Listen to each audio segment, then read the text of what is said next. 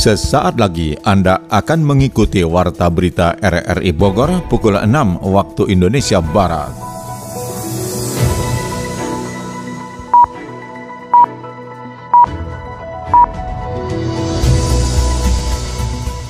Selamat pagi. Saudara, kita kembali bersua lewat Warta Berita Minggu 10 Desember 2023. Berita akhir pekan kami isi dengan rangkuman berita sepekan. Siaran ini juga dapat Anda dengarkan melalui audio streaming RRI Digital. Bersama saya Mukhlis Abdillah, inilah rangkuman berita selengkapnya.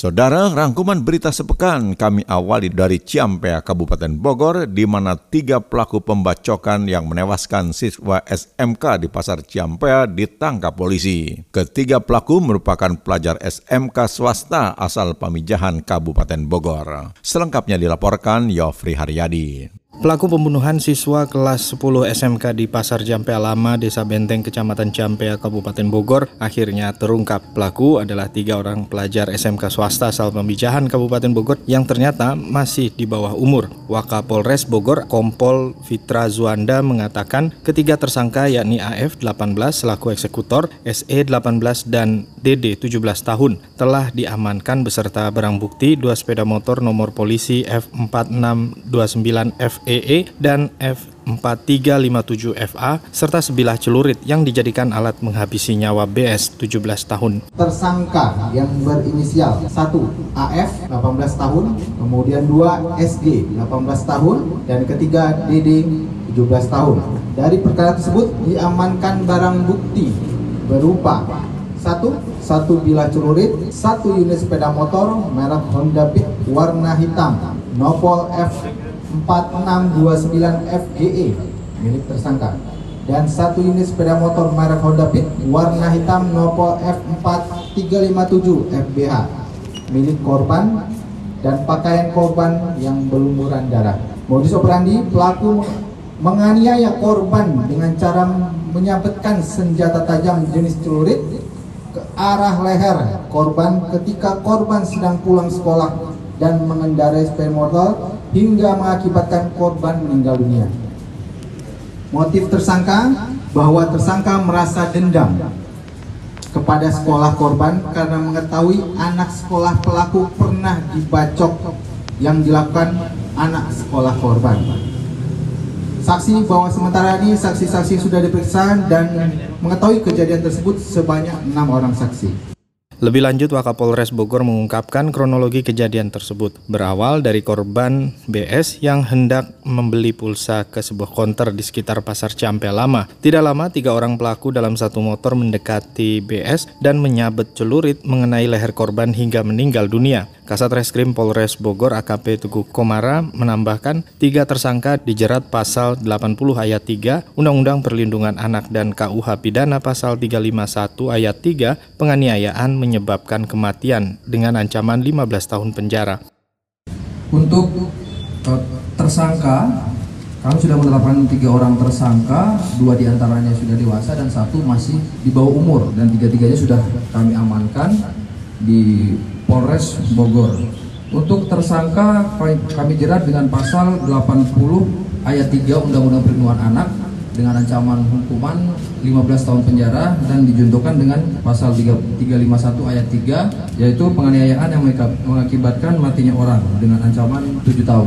Peran dari masing-masing tersangka yang sudah kami Eksekutor dalam kejadian tersebut, AF, diketahui adalah siswa bermasalah di sekolahnya. AF dibekuk polisi di Desa Gunung Menyan, Kecamatan Pamijahan, Kabupaten Bogor, menyusul dua tersangka lainnya. BS meninggal dunia saat dilarikan ke rumah sakit terdekat dan kehabisan darah sebelum dirujuk ke Rumah Sakit Keramat Jati Polri, Jakarta. Sebanyak 242 pohon di kota Bogor berKTP merah alias rawan tumbang.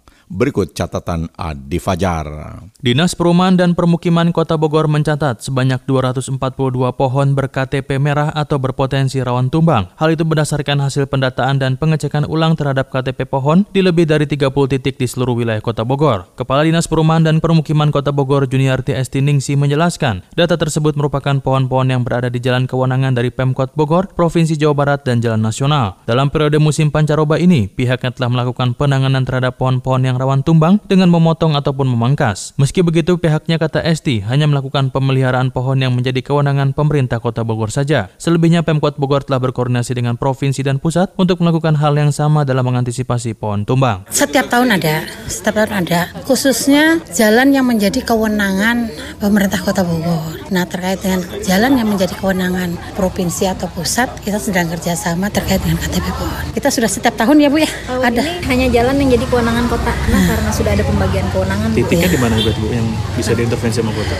Marta Dinata, Hutan Kota Ahmad Yani, Cipaku, Siliwangi. Esti mengatakan bencana pohon tumbang di kota Bogor tidak hanya terjadi pada pohon yang sudah tua ataupun rimbun saja. Beberapa kejadian justru terjadi terhadap pohon yang kondisinya sehat. Untuk itu ia mengimbau kepada masyarakat agar senantiasa meningkatkan kewaspadaan saat musim hujan tiba dengan tidak berteduh di bawah pohon ataupun baliho besar. Esti juga menegaskan akan melakukan pengawasan terhadap pohon-pohon yang kerap dipasang paku oleh masyarakat karena hal itu bisa berdampak terhadap kerusakan pohon yang ujung-ujungnya akan berpotensi menyebabkan pohon tumbang. Makanya gini, terkadang itu kan pohon sepertinya sehat, tetapi ternyata kombiumnya sudah rusak. Khususnya yang mereka yang suka menggunakan kan paku, ada paku 10, paku 7. Nah, itu diharapkan juga untuk tidak memaku-maku di pohon, karena kelihatannya sehat, tapi kalau sudah kombiumnya sudah rusak, itu eh, pembusukannya lebih cepat. Sebelumnya, Wakil Wali Kota Bogor, Dedi Arahim, telah meminta Dinas Perumahan dan Permukiman untuk mendata ulang kondisi pohon di kawasan Kota Bogor. Hal ini bertujuan untuk mengantisipasi dampak buruk pohon tumbang akibat cuaca ekstrim. Terhadap pohon-pohon yang berKTP merah ini, Dinas Perumkim melakukan tindakan pemeliharaan yang juga bekerja sama dengan Badan Riset Inovasi Nasional atau BRIN untuk mendata pohon-pohon lainnya. DPRD Kota Bogor meyakinkan bahwa penjabat wali kota Bogor akan melanjutkan program pemerintah Kota Bogor yang sudah berjalan di bawah kepemimpinan Bima Arya dan Dedi Rahim.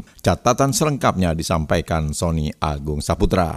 Proses pengusulan penjabat PJ Wali Kota Bogor masih terus berlangsung di DPRD Kota Bogor dengan adanya rapat pimpinan setelah pengusulan dari semua fraksi di Dewan. Wakil Ketua DPRD Kota Bogor Jenderal Mutakin mengatakan proses pengusulan masih berlangsung untuk nantinya diserahkan kepada Kementerian Dalam Negeri paling lambat 6 Desember 2023. Dalam proses pengusulan itu tentunya DPRD Kota Bogor melihat dan mendengar semua masukan dari masyarakat terkait figur yang akan menduduki posisi PJ Kepala Daerah setelah masa akhir jabatan Bima Dedi berakhir 31 Desember 2023. DPRD Kota Bogor mengucapkan terima kasih atas atensi masyarakat yang sudah memberikan masukan figur kepala daerah yang akan melanjutkan tongkat estafet tersebut. Bisa juga, boleh juga, tetapi tidak subjektif Oh iya, terhadap nama. jelas. Karena Lebih kepada variabel apa yang dibutuhkan oleh masyarakat. Nah, jadi eh, ini ya bisa saja mengajak melibatkan publik atau stakeholder untuk berpartisipasi apa sih harapan PJ walaupun ya hanya sekedar PJ satu tahun lah ya. Tapi minimal Satu setengah tahun, dua tahun. tahun.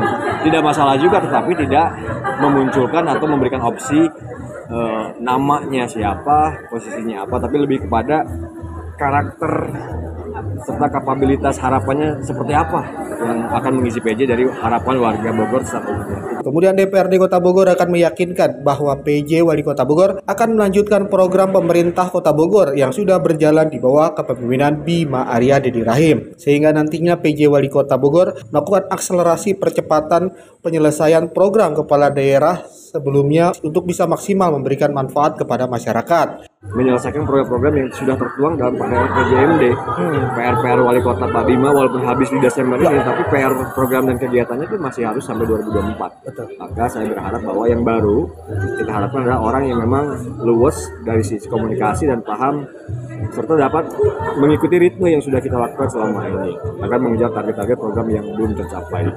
Walaupun demikian ya tidak menutup kemungkinan dari luar, ya. ataupun dalam selama memiliki sifat karakter yang tadi kami harapkan dia tidak hanya sekedar mengisi seremonial tapi punya keinginan yang kuat untuk membangun Bogor walaupun hanya sekedar PJ ya ya itu bisa saja terjadi. Tiga dari uh, lingkungan pemerintah kota, dari provinsi Jabar ataupun dari kementerian langsung orang yang ditunjuk langsung oleh Kemendagri. Oke. Gimana gimana? Belum belum apa belum uh, membahas itu ya. Yang pasti uh, Desember bulan Desember. Uh, tentang habisnya masa jabatan Pak Wali. Kita akan coba nanti sesuaikan dengan aturan dan juga juga di tingkat yang lebih tinggi kapan batas waktu terakhir dan mekanismenya apakah perlu paripurna istimewa. DPRD Kota Bogor akan segera mengumumkan tiga nama usulan PJ Wali Kota Bogor paling lambat 6 Desember 2023 ke Kementerian Dalam Negeri untuk nantinya berproses mengajukan nama yang akan menduduki posisi tersebut melanjutkan kepala daerah pemerintah Kota Bogor. Semangat bener joggingnya. Iya tuh kudu semangat biar tetap sehat nih bu sehat kan mahal Ih, setuju bu kalau udah sakit mah boro-boro olahraga ya yang ada masuk rumah sakit bener kalau kata orang mah mensana incorpore sano alias di dalam tubuh yang sehat teh terdapat jiwa yang kuat bu. Ini teh ngomong-ngomong mau jogging ke mana bu? Mau jogging ke alun-alun sekalian cuci mata ah bu. Di sana kan suka banyak barang obral murah. Siapa tahu dapet. Atau kalau gitu saya mau ikut jogging ah biar sehat juga sekalian beli barang obralan. Eh, eh, eh, eh ibu mau ke mana ini teh? Mau jogging apa? Biar sehat. Kalau ibu jogging nanti bapak sarapan apa? Beli nasi uduk di Janap aja ya. Bu, bentar ya Bu, saya ganti legging macan dulu. Jangan lama-lama ya Bu, keburu panas ntar. Dinas Perhubungan Kabupaten Bogor melakukan uji coba pengalihan arus di Jalan Bojonggede, Cilebut. Yofri Haryadi menurunkan catatannya. Akses keluar masuk pintu komuter lain Jabodetabek di Stasiun Bojonggede Bogor akan dirubah rutenya seiring beroperasinya jembatan pengguna jalan yang diintegrasikan dari stasiun KRL Bojonggede ke terminal Bojonggede. Jembatan dengan tinggi 12 meter sepanjang 400 meter akan merubah rute pengguna komuter lain dari pintu utama di Simpang Cilebut dan Bojonggede yang menjadi titik kemacetan di sepanjang jalan Bojonggede Bogor. Dalam peresmian Skybridge Bojonggede, PLT Kepala Badan Pengelola Transportasi Jabodetabek BPTJ Soeharto mengungkapkan akan ada perubahan pergerakan pengguna transportasi komuter lain pada jam sibuk sebesar 65 hingga 70 ribu orang yang setidaknya akan mengurangi penumpukan massa di sepanjang Jalan Bojonggede Cilebut Bogor. Selain itu, pemanfaatan terminal angkutan umum Bojonggede lebih optimal lagi dan mengurangi kemacetan di sepanjang jalan utama tersebut. Tapi secara umum bahwa uh, Skybridge ini sudah bisa dioperasionalkan dalam arti nanti para operator angkutan kota nanti akan berhentinya ada disebutkan di depan jalan seperti nanti terjadi. Sehingga masyarakat nanti akan terbiasa turun dari angkutan kotanya menggunakan skybridge, apakah menggunakan jalan kaki atau menggunakan eskalator menjadi pilihan dari para uh, penumpang uh, kereta. Setelah itu ya sekaligus kita akan mencoba untuk menyehatkan masyarakat. Kalau jalan mungkin tadi disampaikan 3 sampai 4 menit jalan santai. Tapi yang biasa lari silakan lebih cepat lagi untuk ngejar waktu supaya tidak ketinggalan kereta. Kepala Bidang Lalu Lintas Dinas Perhubungan Kabupaten Bogor, Dadang Kosasi menambahkan pihaknya akan melakukan uji coba pengalihan arus di Jalan Bojonggede Cilebut Bogor. Ruas jalan utama akan dijadikan satu arah dari Bojonggede ke arah Cilebut, sementara dari arah Cilebut akan melingkari Jalan Kedung Waringin. Parkiran. Eh, pakai pokoknya semua kegiatan ada di situ. Angkutan pokoknya angkutan kota, parkir, hmm. kendaraan yang dititipin segala macam untuk untuk motor segala macam ada di satu arah bikin satu arah. Bikin satu arah cuma dari arah Depok masuk ke terminal dari hmm. arah Bogor dari Cilebut muter dulu. muter dulu ke bawah. Uh, uh. jadi masuknya dari bawah. Kan uji coba nih uji coba. Besok mulai boleh boleh uji coba ya besok. Lihat lihat lihat kondisi lihat kondisinya. Kalau misalkan besok memungkinkan besok uji coba. Uji coba. Uh, kalau misalkan kira-kira ini berarti hari Rabu tetap karena dengan ada perubahan pasti agak sedikit ini ya agak sedikit hmm. panik kan namanya ini di, di kita gimana sih hmm. yang biasa seperti itu di, dirubah akan sedikit ini cuman kita udah prediksikan sekitar 30 persen hampir 4, sampai 40 persen bisa mengurai kemacetan pasti udah diperhitungkan udah ya? udah ada perhitungan itu permasalahan yang pasti akan hmm. timbul di situ diakui Dadang uji coba lalu lintas akan berdampak sosial terutama para pemilik parkiran motor dan PKL serta angkutan umum yang ngetem di pintu masuk utama stasiun Bojonggede yang akan ditutup. Sementara pintu masuk dan keluar dari arah utara di Jalan Gaperi Bojonggede tetap normal seperti biasa. Satserse Polresta Bogor Kota menangkap lima pelaku pengerusakan pipa PDAM Tirta Pakuan. Kelima pelaku nekat melakukan pengerusakan karena kesal pihak PDAM tak kunjung mengganti rugi lahan miliknya yang dilewati pipa perusahaan air minum tersebut. Selengkapnya dilaporkan Sony Agung Saputra. Satuan Reserse Kriminal Polresta Bogor Kota melakukan penangkapan pelaku pengrusakan pipa PDAM Tirta Pakuan di Muara Lebak RT 3 RW 10, Kelurahan Pasir Jaya, Kecamatan Bogor Barat, Kota Bogor. Kapolresta Bogor Kota Kombes Pol Bismo Tugu Prakoso menjelaskan, penangkapan kelima tersangka berinisial RN, T, MA, F, dan N merupakan warga sekitar. Menurut pengakuan tersangka pengrusakan pipa PDAM Tirta Pakuan dengan memotongnya karena mendapat pengakuannya masuk areal tanah keluarga RN. Kemudian pihak keluarga melontarkan somasi ke PDAM untuk pembayaran ganti rugi. Namun ternyata proses itu dengan mediasi aparat kepolisian namun menemukan jalan buntu tanpa hasil. Merasa kecewa atas kejadian itu pihak keluarga melakukan pengrusakan pipa PDAM yang mengakibatkan sedikitnya 5.000 warga mengalami dampak kerusakan pasokan air bersih saat kemarau melanda. Dari kelima warga, polisi membeberkan peran masing-masing dalam upaya pengerusakan pipa PDAM yang mengalir ke kawasan tersebut dengan adanya diduga sebagai otak perbuatan itu berinisial RN. Kemudian kita lakukan panggilan, dipanggil tidak hadir, ya. Kemudian kita menerbitkan dipanggil dua kali tidak hadir, kita terbitkan surat perintah membawa. Ya.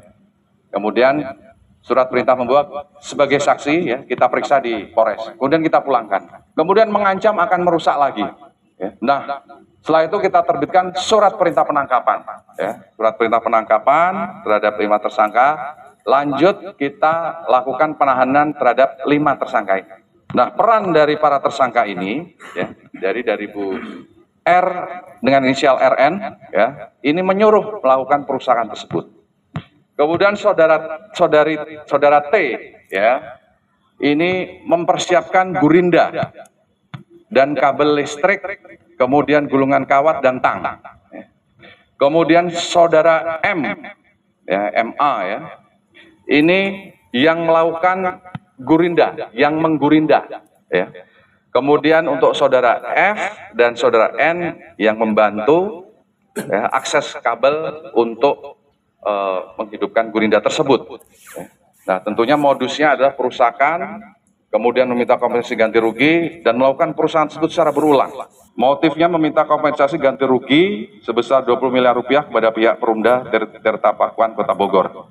Polisi mengenakan tersangka dalam kasus tersebut pelanggaran pasal berlapis 406 dan 408 KUHP dengan ancaman hukuman mencapai 5 tahun penjara. Sementara itu, pengacara tersangka Celestibus Alo mengungkapkan kliennya mendapatkan perlakuan tidak menyenangkan saat proses penangkapan bahkan terindikasi menjadi korban penyekapan. Selama ini kliennya merasa tanah di atas lahannya sehingga meminta ganti rugi kepada pihak PDAM atas penggunaan pipa tersebut tersebut. Namun ternyata pihak direksi PDAM tidak mengindahkan tuntutan itu sehingga pihaknya melakukan tindakan mencabut pipa tersebut.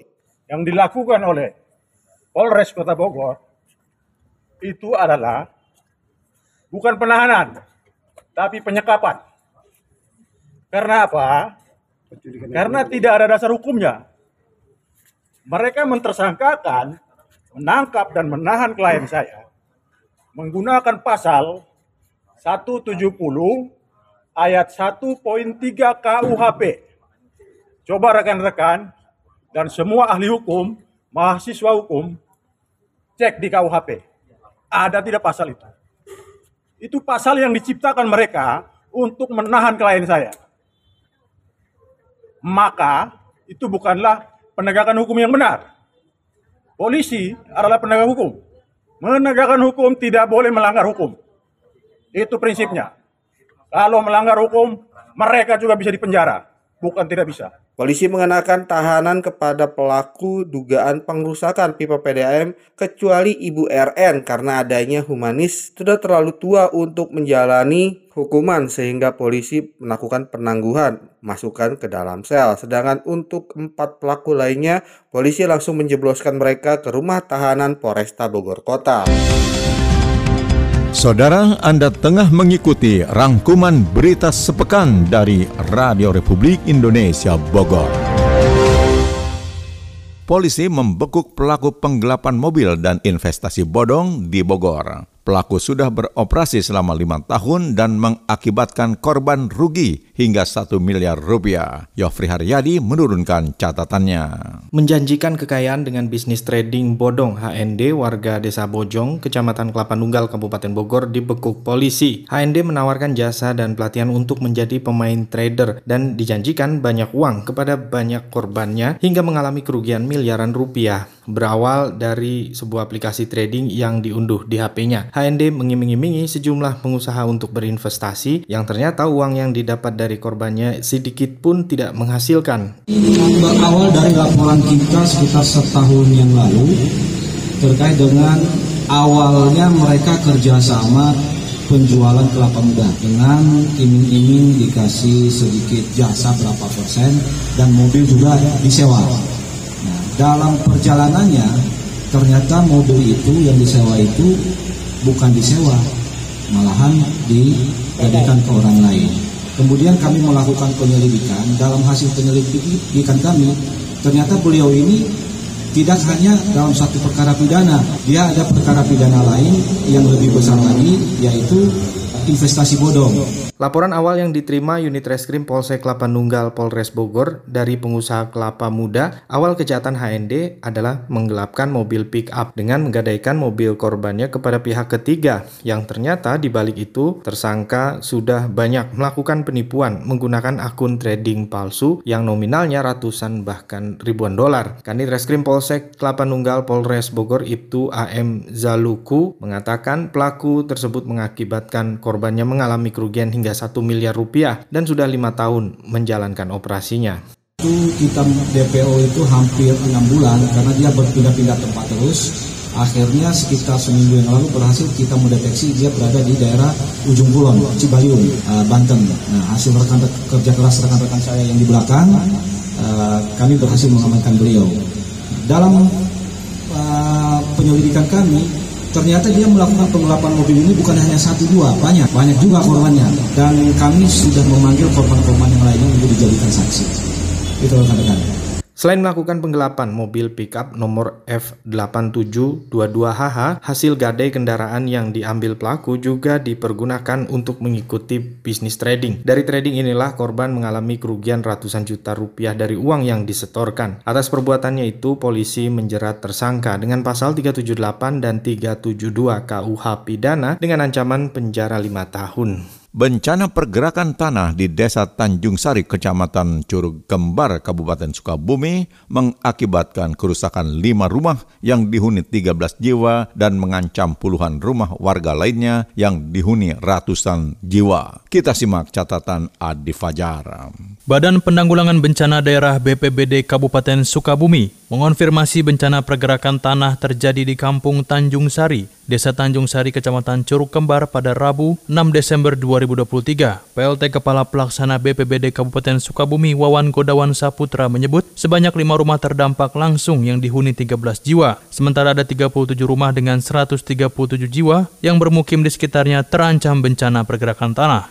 Rumah warga yang terdampak mengalami kerusakan sedang hingga berat akibat adanya keretakan struktur bangunan. Saat ini Wawan mengatakan BPBD bersama relawan tengah melakukan penanganan dengan melakukan evakuasi serta asesmen terhadap warga terdampak. Terkait dengan yang di Curug Kembar, eh, kemarin kita mendapatkan laporan ini ada lima rumah terdampak dengan eh, 13 jiwa ya. Tetapi ada juga rumah terancam kurang lebih 37 rumah dan yang kita lakukan memang karena ini baru kemarin masuk dan hari ini rencananya uh, tim kita, tim awal kita akan melakukan asesmen ke lapangan ya ke wilayah sampai sejauh mana potensinya kemudian juga memastikan masyarakat terdampaknya juga bisa bisa terselamatkan. Nah, walaupun di laporan ini belum belum ada terkait dengan korban hanya terdampak saja. Wawan mengungkapkan wilayah Kecamatan Curug Kembar merupakan zona merah dari bencana pergeseran tanah dan longsor. Kejadian ini pun sudah terjadi yang kesekian kalinya, terlebih saat musim hujan tiba. Bencana pergeseran tanah pun berpotensi besar terjadi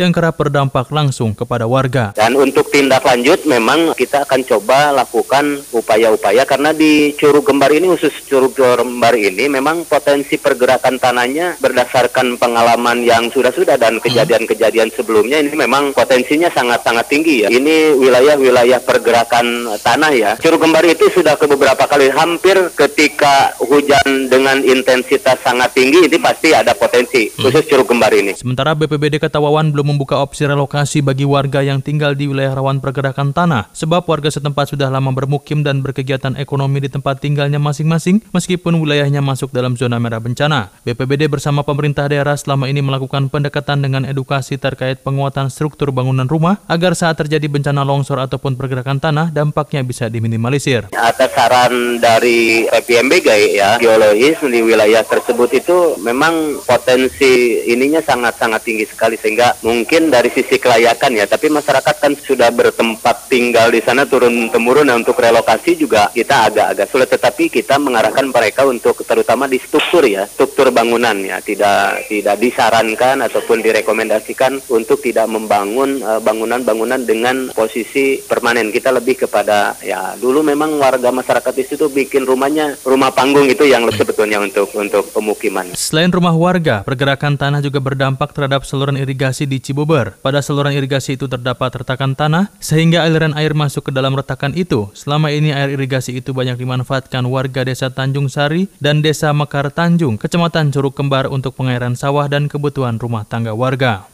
Warga menutup sebuah gudang penyimpanan di Desa Dayeh, Kecamatan Cilengsi, Kabupaten Bogor yang diduga menjadi tempat isi ulang minyak goreng ilegal merek minyak kita. Selengkapnya dilaporkan Yofri Haryadi.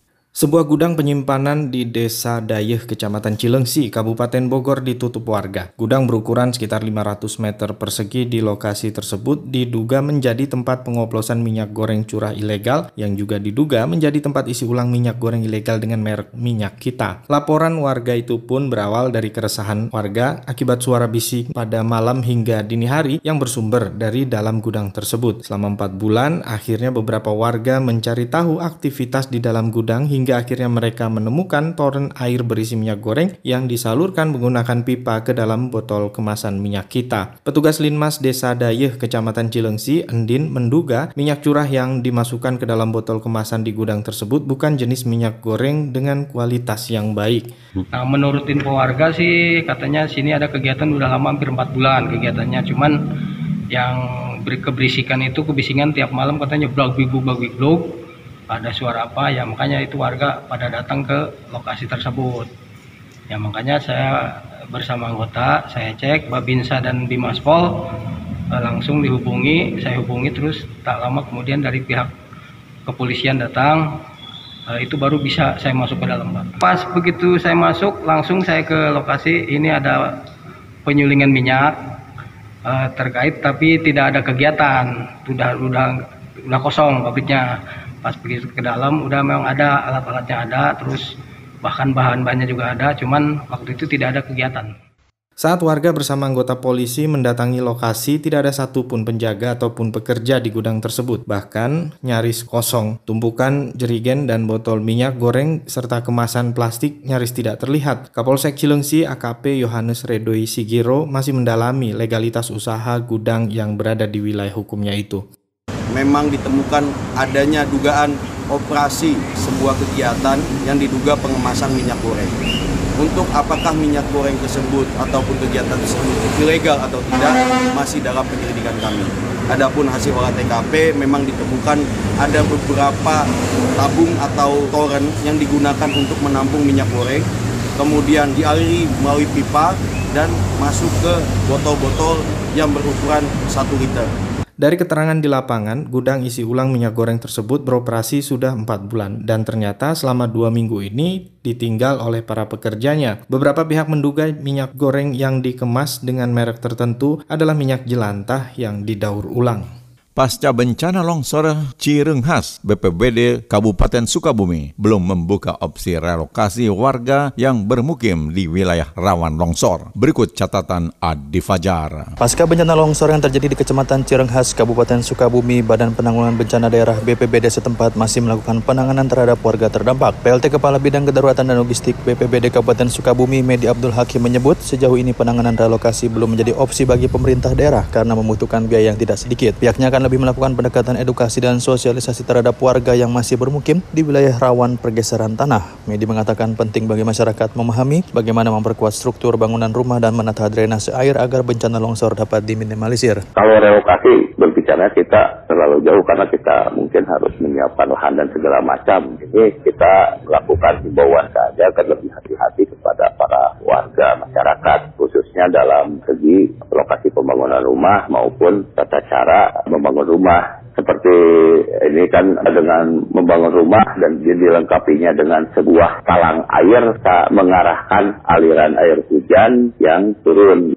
BPBD Lanjut Medi juga mengimbau agar masyarakat meningkatkan kewaspadaan terhadap potensi bencana yang dapat terjadi di wilayahnya masing-masing saat musim hujan tiba. Ia meminta agar warga untuk mau peduli memperhatikan kondisi kontur tanah yang rawan retak pasca peralihan musim kemarau ke penghujan. Kami menghimbau supaya masyarakat lebih waspada dan lebih hati-hati untuk dapat melihat situasi dan di daerahnya akan uh, risiko bencana di masing-masing wilayahnya, termasuk menjaga juga untuk melihat retakan-retakan tanah yang dari musim kemarau kan itu sangat sering terkena hujan itu biasanya ada retakan-retakan gitu. Kepeduliannya untuk menutupi itu juga termasuk dengan melihat pohon-pohon yang ada di sekitar mana yang keropos, mana yang enggak, tetap segera di komunikasikan dengan pemerintah tempat baik itu desa, kecamatan, Bencana longsor terjadi pada Minggu 3 Desember 2023 di Kampung Pamuruyan, Desa Cisarua, Kecamatan Cirenghas, Kabupaten Sukabumi. Longsor mengakibatkan satu warga setempat meninggal dunia dan satu warga lainnya luka akibat terbawa arus deras Sungai Citati. Seorang caleg yang hendak berkampanye di Desa Koleang, Kecamatan Jasinga, Kabupaten Bogor mengalami kecelakaan tunggal. Mobil yang dikendarai oleh istrinya kehilangan kendali dan terprosok ke dalam jurang dengan kedalaman 30 meter. Selengkapnya dilaporkan Yofri Haryadi. Sungguh naas caleg Perindo yang hendak berkampanye di Desa Koleang, Kecamatan Jasinga, Kabupaten Bogor, mengalami kecelakaan tunggal. Mobil yang dikendarainya masuk ke dalam jurang dari Jalan Utama Jasinga, Kabupaten Bogor ke arah objek wisata pemandian air panas Tirta Lebak Buana, Banten. Korban adalah Pepen Rustam yang saat itu mengendarai kendaraan dari arah Lewiliang Bogor yang tujuan awalnya mendatangi kolega dan kerabatnya di Jasinga, Kabupaten Bogor untuk kampanye. Saat itu, mobil minibus berwarna putih dikendarai oleh istrinya dan di tengah perjalanan kehilangan kendali dan akhirnya terperosok ke dalam jurang dengan kedalaman 30 meter. Emang tadi bapaknya mau ke mana sih? Mau ke Cipanas. Saya tadinya mau sosialisasi. Hmm ke Koleang, hmm. ke kenalan-kenalan Koleang. Hmm. Saya kan caleg, caleg dari Prindo tapi dari Jasinga dilanjutkan ke sana. Hmm. mau mandi dulu. Oh mandi ke air panas ini. Ya akhirnya mandi enggak ke Koleang enggak. Dari arah Bogor Bogor sini, mau ya. ke Jasinga ini yang bawa bukan saya oh. istri saya. Ya saya di sini duduk di sini. Anggota Polsek Jasinga Polres Bogor Aibtu Sartono yang menangani kejadian mengatakan diduga pengemudi dalam keadaan mengantuk dan kendaraan minibus sudah dievakuasi secara mandiri oleh korban pada malam hari setelah kejadian. Cuma luka ringan saja kan dari kalingan mungkin nanti tadi korban langsung rumahnya. Sekarang udah mau ke mana? Udah mau dibawa pulang. Mungkin nanti bisa dicek dari dari puskesmas. Ternyata cuma kalingan saja. Mungkin ngantuk atau apa kan kita juga tidak tahu karena nggak ada sama saya nggak ada usaha pengereman bisa nggak ada. rem kayaknya ngantuk aja oh, ngantuk. ngantuk. Atau capek kayaknya kondisi jalan yang menanjak dan menikung membutuhkan konsentrasi dan keterampilan dalam mengemudikan kendaraan di jalur tersebut. Beruntung awak di dalam kendaraan tersebut hanya mengalami luka ringan saat kendaraan terperosok ke dalam jurang. Saudara, demikian rangkuman berita sepekan dari Radio Republik Indonesia Bogor. Siaran ini dapat Anda dengarkan kembali melalui podcast kami di Spotify, Anchor, Podtail, dan Google Podcast. Saya Muhlis Abdillah, merangkap Des Editor bersama penata teknik Novel Noviansyah mengucapkan terima kasih atas kebersamaan Anda. Selamat pagi.